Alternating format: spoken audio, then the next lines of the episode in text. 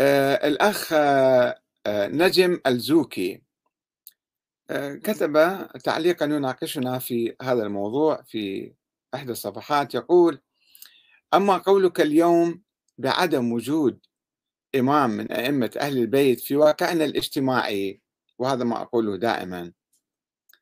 فقولك هذا مناقض للحديث المتواتر عن النبي صلى الله عليه وآله وسلم اللي هو تركت فيكم وأن تمسكتم به لن تضلوا بعدي أبدا كتاب الله وعترتي أهل بيتي وغيره من الأحاديث الثابتة بوجود وحياة الإمام المهدي الذي تنكر أنت وجوده.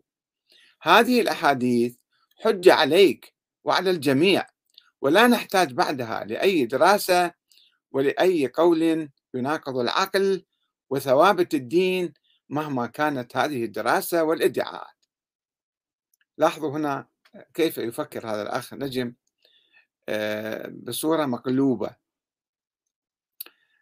أولا يعتبر هذا الحديث متواتر هذا الحديث متواتر. كيف عرفت أن هذا متواتر وليس حديثا موضوعا وليس حديثا ملعوبا به؟ وزايدين عليه ومنقصين من عنده ومحوريه ومطوريه ومسويه نظرية ثم هذا الحديث حتى لو صح مثلا وهو غير صحيح لا يمكن أن إحنا نستدل بهذا الحديث العام والغامض عترتي عترتي منهم عترة الرسول أنا عشيرة الرسول. عشيرة الرسول من بني عبد مناف. يعني حتى العباسيين يدخلون حتى آل أبي طالب الجناحيين وغيرهم يدخلون في كلمة العترة العترة يعني العشيرة باللغة العربية. آه، طبعا جايين بعض ناس آخرين ضايفين على هذا الحديث أنهم شافوا هذا الحديث ما يدل على شيء حتى لا يدل على نظرية الإمامة كما يقول الشيخ المفيد مؤسس الفرقة الاثنى عشرية في القرن الرابع الهجري. يقول هذا يخاطب في كتابه الجارودية الزيدية يعني يناقشهم. هم يعتمدون على هذا الحديث في آه، حصر الإمامة في البطنين في أبناء الحسن والحسين.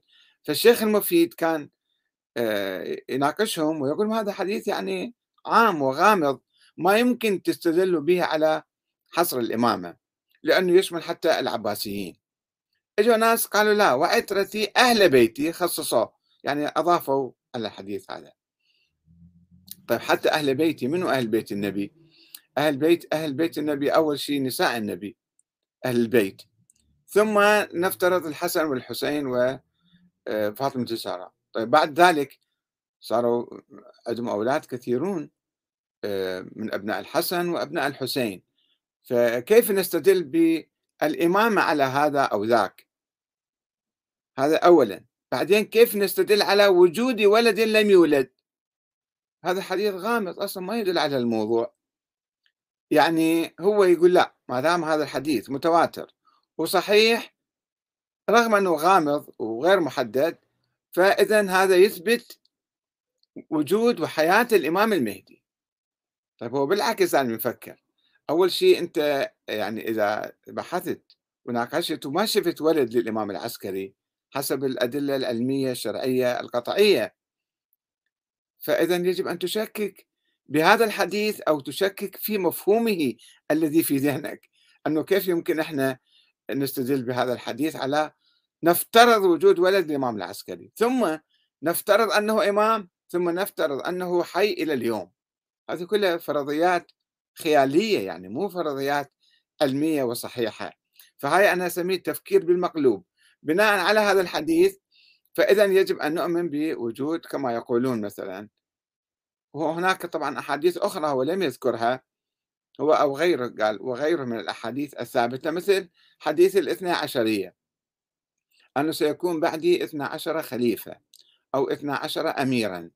هذا حديث خبر آحاد. أيضا غامض وما به مفهوم معين على تحديد الأئمة في أو الخلفاء أو الأمراء ب 12 واحد ولكن يعتبروا هذا حديث جابوه بالقرن الرابع.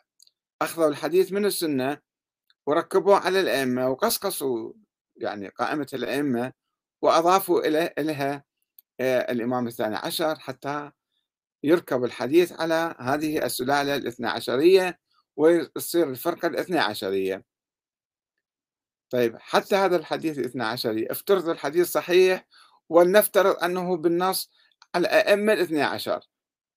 إذا أنتم ما وجدتوا الإمام الثاني عشر فيصيرون الأئمة 11 ما يصيروا 12 فإذا لازم إحنا نرجع نشكك بالحديث مو نقول لا ما دام الحديث عندنا أنه ثابت وصحيح فإذا لازم نغمض عيوننا ونفترض وجود ولد الإمام العسكري ونقول هو الإمام الثاني عشر. هذا صار شنو؟